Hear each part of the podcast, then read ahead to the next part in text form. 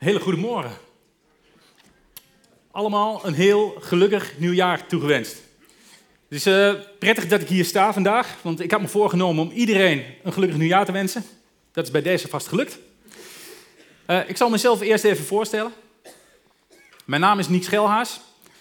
Ik ben getrouwd met Anne, dat is die mooie dame die hier regelmatig staat te zingen. Samen hebben wij drie kinderen, drie behoorlijk opgegroeide kinderen. Twee dames van 19 en 22. Uh, die studeren intussen allebei, zijn het huis uit, ze studeren in Rotterdam. En dan hebben we nog een kerel van 15 in huis. Ik sta er thuis enigszins onbekend dat ik nog wel eens last heb van flauwe humor. Uh, en daarom wil ik vandaag beginnen met een klein onderzoekje, een klein quizje. Een klein onderzoekje om te kijken waar u staat in uw christelijk geloof. Want het is namelijk het leuke van het gezelschap waar u nu, uh, zich nu bevindt. Het kan zijn dat u misschien vandaag voor het eerst in een kerk bent. Uh, en dat u dacht van, goh, laat ik eens gaan kijken. Misschien bent u voor de tweede keer, omdat u er tijdens de kerstnachtdienst was en dacht van, goh, ik wil nog eens kijken hoe het verder is. Of misschien bent u hier vandaag wel voor de zoveelste keer. Gaat u al uw hele leven naar de kerk en het liefst twee keer op een zondag en zit u vandaag hier. Dan sta je heel anders in je geloof. En het lijkt mij leuk om even te kijken voor jezelf van waar sta je nou? Dus ik ga even beginnen met een quizje. Drie vragen, per vraag drie antwoorden. Niet goed of fout, gewoon kijken waar je staat. Even voor jezelf onthouden welk antwoord je geeft. Kom ik later in mijn verhaal nog op terug. Laten we even beginnen met vraag 1. Waar denk je aan bij het Oude en Nieuwe Testament? A. Helemaal nergens aan. B. De notaris die net een Nieuw Testament heeft gemaakt en het Oude wegknikkert. Of iets met 66 boeken en een indeling daarvan. Vraag 2. Aan wie denk je als ik de naam David noem? Uh, geen idee. Antwoord A. Zou ik David moeten kennen dan? Of antwoord B. David. Uh, welke David? David Bowie, David Beckham, David Lloyds. Of antwoord C. David, ja, dat is die kerel die met God wandelde en een reus versloeg en koning werd van Israël. Vraag 3. Aan welk verhaal moet je direct denken als ik het heb over Jozef en de brandende braamstruik? Antwoord A. Jongen, wat een moeilijke vraag. Ik kan helemaal niet meer denken. Antwoord B. Geen idee, maar het zal wel een kort verhaal zijn, want zo lang brandt een braam, braamstruik niet. Of antwoord C. Jozef en de brandende braamstruik. Geen idee, dat verhaal ken ik eigenlijk niet. Even onthouden welke antwoorden je hebt gegeven voor jezelf, kom je straks nog even op terug. 2020. Tijd gaat ontzettend snel. Bijzonder moment eigenlijk altijd weer, zo het begin van het jaar. Um, goede voornemens. Veel mensen hebben goede voornemens. Oh, hier niet zo heel veel. ik ben er zelf ook al een paar jaar geleden mee gestopt. Want ja, um, omdat je een avond oliebollen eet, een fles champagne opentrekt om 12 uur, vuurwerk afsteekt en het is 1 januari en dat zou dan een reden zijn om ineens je leven te verbeteren. Ik denk dan bij mezelf, ja, als er een reden is om je leven te beteren, moet je dat vooral doen, maar niet omdat het 1 januari is. En er is ook nog wel een andere reden. Goede voornemens blijven zo vaak goede voornemens. Uh, je begint vol enthousiasme, je houdt het een paar dagen vol, maar dan komt de klat er een beetje in en je gaat je een beetje schuldig voelen, want ja, het is alweer niet gelukt vandaag. En dat gaat een paar dagen zo voor, voort en je neemt jezelf eens goed voor om na te denken over je goede voornemens. Je bedenkt een paar goede redenen waarom je goede voornemens toch niet zo heel goed waren. En je neemt je voor om je maar niet meer aan je goede voornemens te houden. En dat was dan misschien ook wel het beste goede voornemen voor de rest van het jaar. Nou, als je dat gevoel herkent, dan kan ik niet zeggen dat je je in goed gezelschap bevindt, maar wel in een groot gezelschap. Er is namelijk onderzoek naar gedaan. Uh, de mensen van de app Strava, uh, als je regelmatig hardloopt of fietst, dan ken je die app vast. Uh, dat is een app die houdt netjes bij welke rondjes je hebt gelopen, hoe snel je die hebt gelopen en of je wel sneller was dan de vorige keer en nog veel belangrijker, of je al sneller bent dan de buurman. maar die mensen die hebben 31,5 miljoen transacties uit de beginperiode van het jaar bekeken en geanalyseerd. En toen zijn ze erachter gekomen wat nou de grote Sjaak afhaakdag is. Um, gaan we even onderzoekje voor doen ook. Uh, tweeënhalve maand, anderhalve maand, anderhalve week of vijf dagen. Wie denkt tweeënhalve maand? Na tweeënhalve maand dan is iedereen er wel klaar mee. Bijna niemand. Niet zoveel vertrouwen in uh, de goede voornemens. Anderhalve maand. Wie denkt anderhalve maand? Uh, een paar vingertjes. Anderhalve week. Ja. Vijf dagen. Hier. Ja, jullie zijn nu al afgehaakt. Lekker. Ja. Jullie halen het gemiddelde omlaag hoor. Ja, jullie halen het gemiddelde omlaag. Ja. Ehm, het goede antwoord zit hem rond, rond de anderhalve week. Twaalf dagen. Twaalf dagen weten we het vol te houden met die goede voornemens. Nou, ze hebben ook even gekeken van ja, hoe kan dat nou? Ehm, nou, dat heeft heel veel te maken met motivaties. Veel mensen hebben goede voornemens omdat veel mensen goede voornemens hebben. Dat is gewoon groepsdruk. Uh, daarmee hou je het niet vol. Um, ze hebben ook gekeken naar de manier waarop we onze goede voornemens formuleren. Uh, het werkt bijvoorbeeld beter om te zeggen: ik ga vanaf nu één keer per week naar de sportschool, dan zeggen: ik ga vanaf nu meer sporten. En het heeft natuurlijk heel veel te maken met ambities. Maar het heeft niet alles te maken met ambities, want onze ambities komen vaak best wel overeen. We willen allemaal een mooi strak lichaam. We willen allemaal graag meer verdienen, promotie maken. We willen allemaal groeien op bepaalde vlakken. Maar lang niet iedereen lukt dat. Het heeft dus niet te maken met je ambities of met je talenten, wat je bereikt. En daar zijn boeken vol over geschreven. Wat je in zijn algemeenheid wel kunt zeggen, is dat mensen die heel succesvol zijn, die het lukt om hun ambities waar te maken, op heel regelmatige basis doen, wat de rest, de meeste van ons, af en toe doen. Dus je kijkt bijvoorbeeld naar Jezus. Jezus reisde het hele land door. Um, had twaalf man bij zich die hij moest trainen, die hij moest opleiden. Hij deed wonderen. Hij gaf grote menigte te eten. Gaf spreekbeurten continu door het land heen. En wat hij niet deed, was zeggen dat hij te druk was om te bidden. Op regelmatige basis trok hij zichzelf terug en zocht hij contact met zijn hemelse vader. En wat Sean Covey zegt, Sean Covey, Sean Covey moet je niet verwarren met Stephen Covey. Ze zijn allebei schrijvers van bekende uh, managementboeken. Uh, Sean Covey is de zoon van Stephen en borduurde wat voort op het bekende boek Seven Habits of Highly Effective People. Sean Covey zegt dit. Our habits will make us or break us. We become what we repeatedly do. Het heeft dus heel veel te maken met je systemen, wat je wel of wat je niet weet te bereiken. Maar misschien herken je dat gevoel van, hé, het lukt me weer niet. Uh, als je terugdenkt aan je goede voornemens vanuit het verleden en wat daarvan terecht is gekomen, dan herken je misschien een beetje het gevoel dat Paulus beschrijft. Paulus, wie is Paulus? Paulus heette eerst Saulus. En Saulus had een grondige hekel aan Jezus.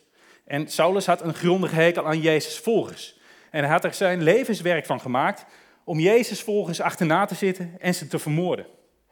En op een van die moordmissies omstraalt hem ineens een groot, fel licht vanuit de hemel en hij hoort ook een stem. En de mensen om hem heen horen ook die stem, zien ook dat licht. Maar Paulus raakte, door, of Saulus raakte door verblind. En gedurende een aantal dagen is Saulus blind en in die dagen spreekt God tot hem. En hij zegt tegen Saulus, Saulus jongen, dat fanatisme van jou, dat staat me best wel aan, alleen je gebruikt het op een verkeerde manier. Ik heb, ik heb jou nodig om het evangelie te gaan verkondigen, om dat te gaan verspreiden. En Saulus bekeert zich, hij leert Jezus kennen en vanaf dat moment heet hij Paulus. En als Paulus reist hij een groot deel van de wereld rond om het goede nieuws van de opgestaande Heer te verkondigen. En hoe doet hij dat? Nou, hij reist van plek naar plek en als hij ergens is geweest en daar mensen met Jezus bekend heeft gemaakt, dan houdt hij contact met ze door brieven te, te schrijven naar die mensen. En in een van die brieven aan de Romeinen staat het volgende. Paulus snapt zichzelf niet. Hij zegt, bij wijze van spreken, ja, ik wil wel stoppen met roken, maar ik blijf iedere keer weer een sigaret opsteken. Ik wil wel afvallen, maar ik blijf maar snaaien. Um, ik wil zuiniger gaan leven, maar het geld blijft me door de vingers glippen. En in Romeinen 7, vanaf, vanaf vers 15, zegt hij, want ik doe niet wat ik wil, ik doe juist wat ik haat. Ik wil het goede wel, maar het goede doen kan ik niet. Wat ik verlang te doen, het goede, laat ik na. En wat ik wil vermijden, het kwade, dat doe ik. Wie zal mij, ongelukkig mens, hij doet wat wij ook zo gemakkelijk doen, hij koppelt zijn identiteit aan zijn falen, aan zijn slechte gedrag. Wie zal mij, ongelukkig mens, redden uit dit bestaan dat beheerst wordt door de dood? En dan denkt hij bij zichzelf, nou, wacht even. Dat doet God. Dank aan Hem door Jezus Christus, onze Heer. Hoe kan het dat we zo vaak onze voornemens niet waar weten te maken? Ik wil even drie redenen noemen. Ehm, het heeft veel te maken met het feit dat we heel erg gericht zijn op wat we willen bereiken, maar niet op het hoe. Onze systemen zijn er niet op afgesteld. In het Oude Testament staat een mooi voorbeeld, Daniel. Daniel was een jonge gast, uh, een Joodse jongen, en in oorlogstijd wordt hij gedeporteerd. Hij wordt weggevoerd naar een ander land. Hij komt te werk, hij wordt te werk gesteld. En hij valt op als een intelligente kerel, als een godvrezende kerel. En hij komt te werk aan het hof van de koning. Uh, maar daar zijn mensen jaloers, die bedenken een plannetje en die zeggen van koning, je moet even wat afspreken. Een maand lang mag er alleen maar tot de koning worden gebeden, maar niet tot enige andere god. En het gevolg daarvan is dat Daniel in de leeuwenkuil belandt, maar ook weer levend uit die leeuwenkuil komt. Hoe kan het dat Daniel de rust weet te bewaren? Hoe kan het dat Daniel blijft vertrouwen op God in die periode? Dat komt door zijn systeem. Jaar na jaar na jaar na jaar had Daniel er zijn gewoonte van gemaakt om drie keer per dag al zijn werkzaamheden neer te leggen, op de knieën te gaan en af te stemmen op zijn hemelse vader. Als jij beter contact wilt met God, als jij God beter wilt leren kennen, dan moet je zorgen dat je systemen zo zijn ingeregeld dat je meer contact hebt met je hemelse vader. Een andere reden waarom de voornemens niet zo goed lukken, is omdat we snel ontevreden zijn. Ik heb de hele week gezonja bakkerd. Er is een half kilo bijgekomen. Uh, ik heb de hele maand geen aanmerken gekocht. En ik heb maar 50 euro bespaard. En ik had 10.000 euro schuld. En nu heb ik nog steeds 9950 euro schuld. Het schiet niet op. Als je zo kijkt en denkt dat jouw kleine acties geen effect hebben, dan heb je het mis. Want draai het eens om. Ik ben een half jaar gestopt met roken. Ah, kan een sigaretje toch niet, geen kwaad? Ik ben al een jaar van de alcohol af. Eén biertje, is dat zo'n probleem? Drie uur gamen aan één stuk en mijn vrouw loopt echt niet bij me weg. Maar als we denken dat dat soort acties, dat soort beslissingen geen effect op ons hebben, dan missen we eigenlijk het punt. En dat is dat ons hele leven, de persoon die we zijn, het gevolg is van alle beslissingen, van alle keuzes die we in het verleden hebben gemaakt. Al onze beslissingen, al onze keuzes maken ons tot wie we op dit moment zijn. Zoals staat in Galaten 6, vers 9. Laten we daarom het goede doen, zonder op te geven. Want als we niet verzwakken, zullen we oogsten wanneer de tijd daarvoor gekomen is. Niet verslappen dus in het tellen van je calorietjes. Niet verslappen om binnen budget te blijven. Niet verslappen om s'morgens wat eerder op te staan. Om te beginnen met God. En een derde reden is dat de vijand, de Satan, ons laat geloven dat onze identiteit is gekoppeld aan ons falen. Ah, het is me niet gelukt. Ik ben een mislukkeling. Ah, ik heb een fout gemaakt. Ik ben slecht. Het is een beetje zoals Paulus erin staat. Ah, ik wil het goede wel doen, maar het lukt me niet. Het slechte wil ik niet doen, maar dat doe ik wel. Ik, ellendig mens. Ik ben het niet waard. Ik heb niet eens een opleiding gehad. Ik ben de minste van alle apostelen. Ik voel me zo onwaardig. Zo sta jij er misschien ook wel een beetje in. Ik ben nou eenmaal zo. Uh, ik heb nou eenmaal een aanleg voor verslaving. Uh, ik kan nu eenmaal niet goed omgaan met geld. Ja, ik heb nou eenmaal een neerslachtig karakter. En als je een ongezond zelfbeeld hebt, dan leidt dat tot ongezonde daden, tot ongezond gedrag. En dat ongezonde gedrag versterkt vervolgens weer je ongezonde zelfbeeld. En als dat gebeurt, dan leven we niet als kinderen van een liefhebbende God. Dan komen we terecht in een negatieve spiraal. En daarom is het goed om te proberen om dit jaar eens anders te beginnen. En dan bedoel ik niet dat je radicaal het roeren moet gooien, radicaal je leven een andere wending moet geven. Nee, maar kijk eens of je kleine, God-erende gebruiken, kleine positieve uh, gewoontes toe kunt voegen aan je dagelijkse ritme. En om dat te doen wil ik eerst even met jullie een filmpje kijken.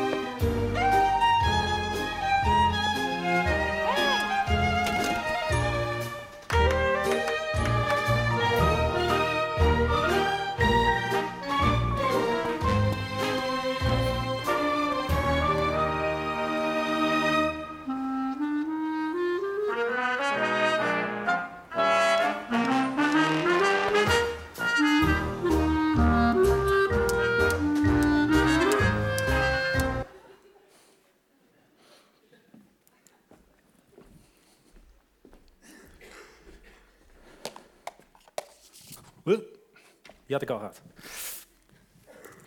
Het is beter te geven dan te ontvangen. Het zijn woorden die Jezus spreekt in de Bijbel. Um, en dit filmpje laat eigenlijk heel mooi dat principe zien. In deze tijd leren we eigenlijk vooral dat we voor onszelf moeten zorgen. Als je de bladen erop naslaat, zoek je eigen geluk. Zorg eerst voor jezelf voordat je voor anderen kunt zorgen. Maar eigenlijk leert Jezus ons wat anders. Want hij zegt van ja, als jij alleen maar op jezelf gericht bent, dan wordt de wereld geen mooiere plaats.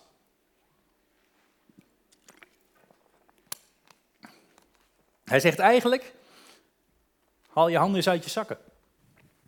En hij illustreert dit op een hele mooie wijze zelf. In een van de verhalen in het Nieuwe Testament die op mij heel erg krachtig overkomen.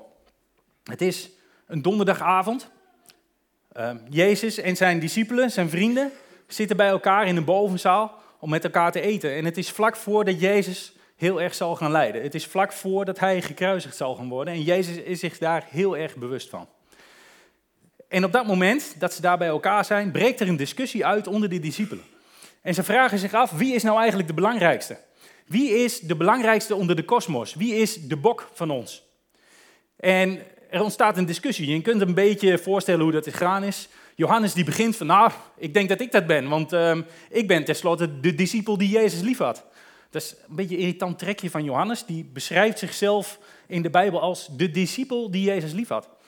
En Petrus, die uh, heeft altijd een grote mond, die moet daar natuurlijk overheen. Die zegt, nou nee, nee, nee, ik denk dat ik dat wel ben, de belangrijkste. Want weet je nog, die keer dat Jezus over het water aan kan lopen naar de boot, uh, jullie bleven allemaal zitten, eentje ging in de boot uit. Ik hè, ik heb over water gelopen. Nou, nou, nou, nou, nou, over water gelopen, die drie passen en toen zakte je erin hè. Maar ik kwam tenminste de boot uit. En zo gaat het door en Jezus kijkt en Jezus, Jezus ziet trotse harten en vieze voeten. En wat doet hij? Jezus staat op, trekt zijn bovenkleed uit, slaat een handdoek om, pakt een bak met water en gaat knielen. Knielt bij de voeten van zijn discipelen om ze te wassen. En dat is een vernederende, denigrerende houding die hij zichzelf aanmeet. En die discipelen die reageren ook van nee, nee, nee, nee, heer, eh, alles leuk en aardig, maar niet bij mij. En misschien vraag je je af wat dat betekent, dat wassen van die voeten. Ehm, het is een beetje zoals in deze tijd, uh, als er iemand binnenkomt, dan zeg je van, hey, zal ik even je jas aannemen? Dus je een kopje koffie, kopje thee, wat zal het zijn? En in die tijd was het ook goed gebruikt dat als je gasten kreeg, dat je ze aanbood om de jas aan te nemen, een kopje koffie, een kopje thee, maar ook om even een voetmassage te doen. Ik zou het nooit aan je aanbieden. Je moet er niet aan denken. En dat zou een gastheer in die tijd dus ook nooit zelf doen. Het wassen van de voeten, mensen liepen in sandalen over stoffige wegen. Het wassen van de voeten, dat was een taak voor de dienaar, voor de slaaf, voor de minste in de, in de huishouding. En wat doet Jezus? Jezus gaat op zijn knieën en hij begint de voeten van zijn discipelen te wassen.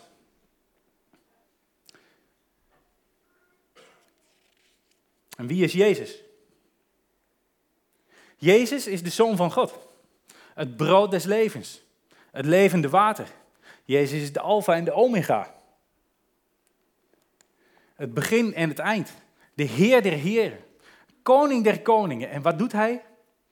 Hij knielt neer. Want Jezus wist, in het koninkrijk van God is de grootste nooit de opschepper.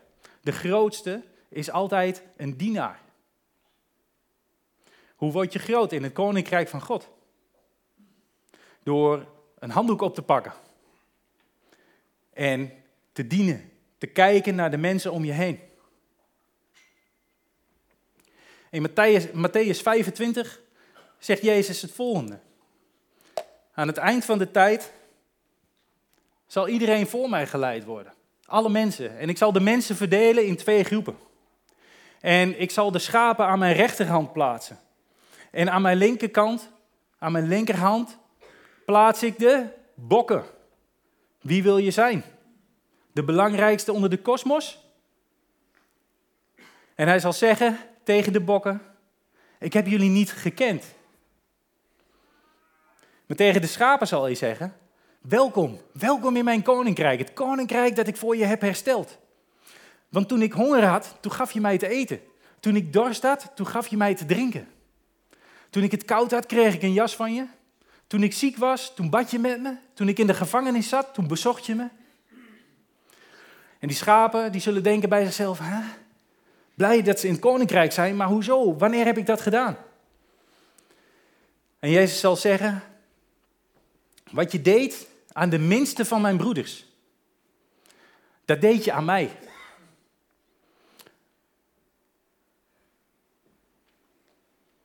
Toen je iemand uitnodigde die zich eenzaam voelde. Toen je geld overmaakte aan een verre land om daar een put te laten slaan, omdat er geen schoon drinkwater was. Dat deed je voor mij. Hoe kun je groot worden in het koninkrijk van God? Je kunt groot worden door om je heen te kijken. Door te dienen.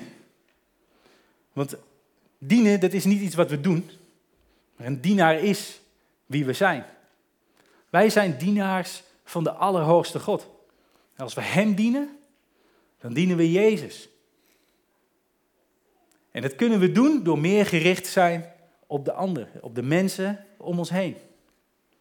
En Jezus zal dan tegen je zeggen, voortreffelijk, je bent een goede en een betrouwbare dienaar. En dan denk je misschien bij jezelf, ja maar, joh, weet je, uh, ik kan eigenlijk helemaal niks. Ik ben eigenlijk nergens echt goed in. Uh, het is allemaal maar zo matig. Maar het gaat niet om waar je goed in bent. Het gaat erom wat je doet. En eigenlijk gaat het er nog niet eens om, om wat jij doet. Het gaat erom wat God ermee kan. En dat mag je nooit onderschatten. Dus wat is die houding die jij kunt aannemen? Wat is die handdoek die jij kunt oppakken? Misschien thuis. Misschien op je werk. In je straat. Misschien hier in de stadskerk. Bij de catering. In het opbouwteam. Bij de promotie. Eh, er zijn zo ontzettend veel dingen te doen. Wat is de handdoek die jij oppakt? Ik wil nog heel even terug naar de quiz. Um, weet je nog welke antwoorden je had gegeven? Ik denk het wel. Het was niet zo heel moeilijk. Ik hoop niet dat het uh, antwoord A was. Uh, oh, ben ver. Dat is voor straks, hè? Uh, ik hoop niet dat het antwoord A was, want als het antwoord A was, dan denk je blijkbaar niet zo heel erg veel na. En dan lijkt de volgende stap um, de kleuterschool wel een goede te zijn, mooi instapniveau. maar als het ergens iets van antwoord B of antwoord C was, of een combinatie daarvan, ja, dan zit je er anders in. Maar dan kan het nog steeds zo zijn dat je nu bij jezelf denkt van... hé, hey, leuk verhaal hoor, wat je daar vertelt... maar kan er eigenlijk toch erg weinig mee. Het is een beetje ver van mijn bedshow, want ik zit hier wel...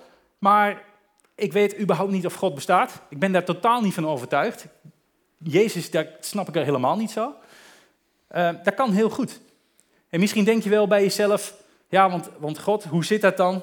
Uh, is er een bewijs voor God? Uh, schepping en evolutie, hoe kan de wereld ooit in zes dagen zijn ontstaan? Uh, en als God dan zo liefhebbend is, waarom is er dan zoveel ellende in de wereld? Uh, dat zijn allemaal heel legitieme vragen. En als je met die vragen zit, dan zit je wat ons betreft hier heel erg goed. Want dat zijn de vragen waar we het over willen hebben. En ik wil je dan ook aanraden, ja, dat wil ik je aanraden, om eventueel mee te gaan doen met de challenge. Er liggen van die kaartjes op jullie stoelen. Kun je je inschrijven voor de challenge. En de challenge is een serie van vijf avonden waarin we met elkaar in gesprek willen gaan. Om het christelijk geloof wat beter te gaan begrijpen.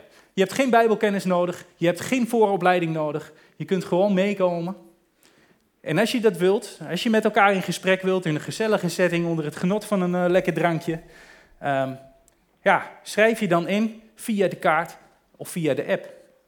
En wie weet, wie weet wordt dan dit jaar een jaar zonder Sjaak afhaakdag, omdat je je systeem aanpast omdat je je focust op hoe je je doelen kunt bereiken, met geduld en met doorzettingsvermogen, wetend dat jouw identiteit niet afhangt van je resultaten. Wie weet, pak jij de handdoek op en ga je de challenge aan. Een heel gezegend 2020.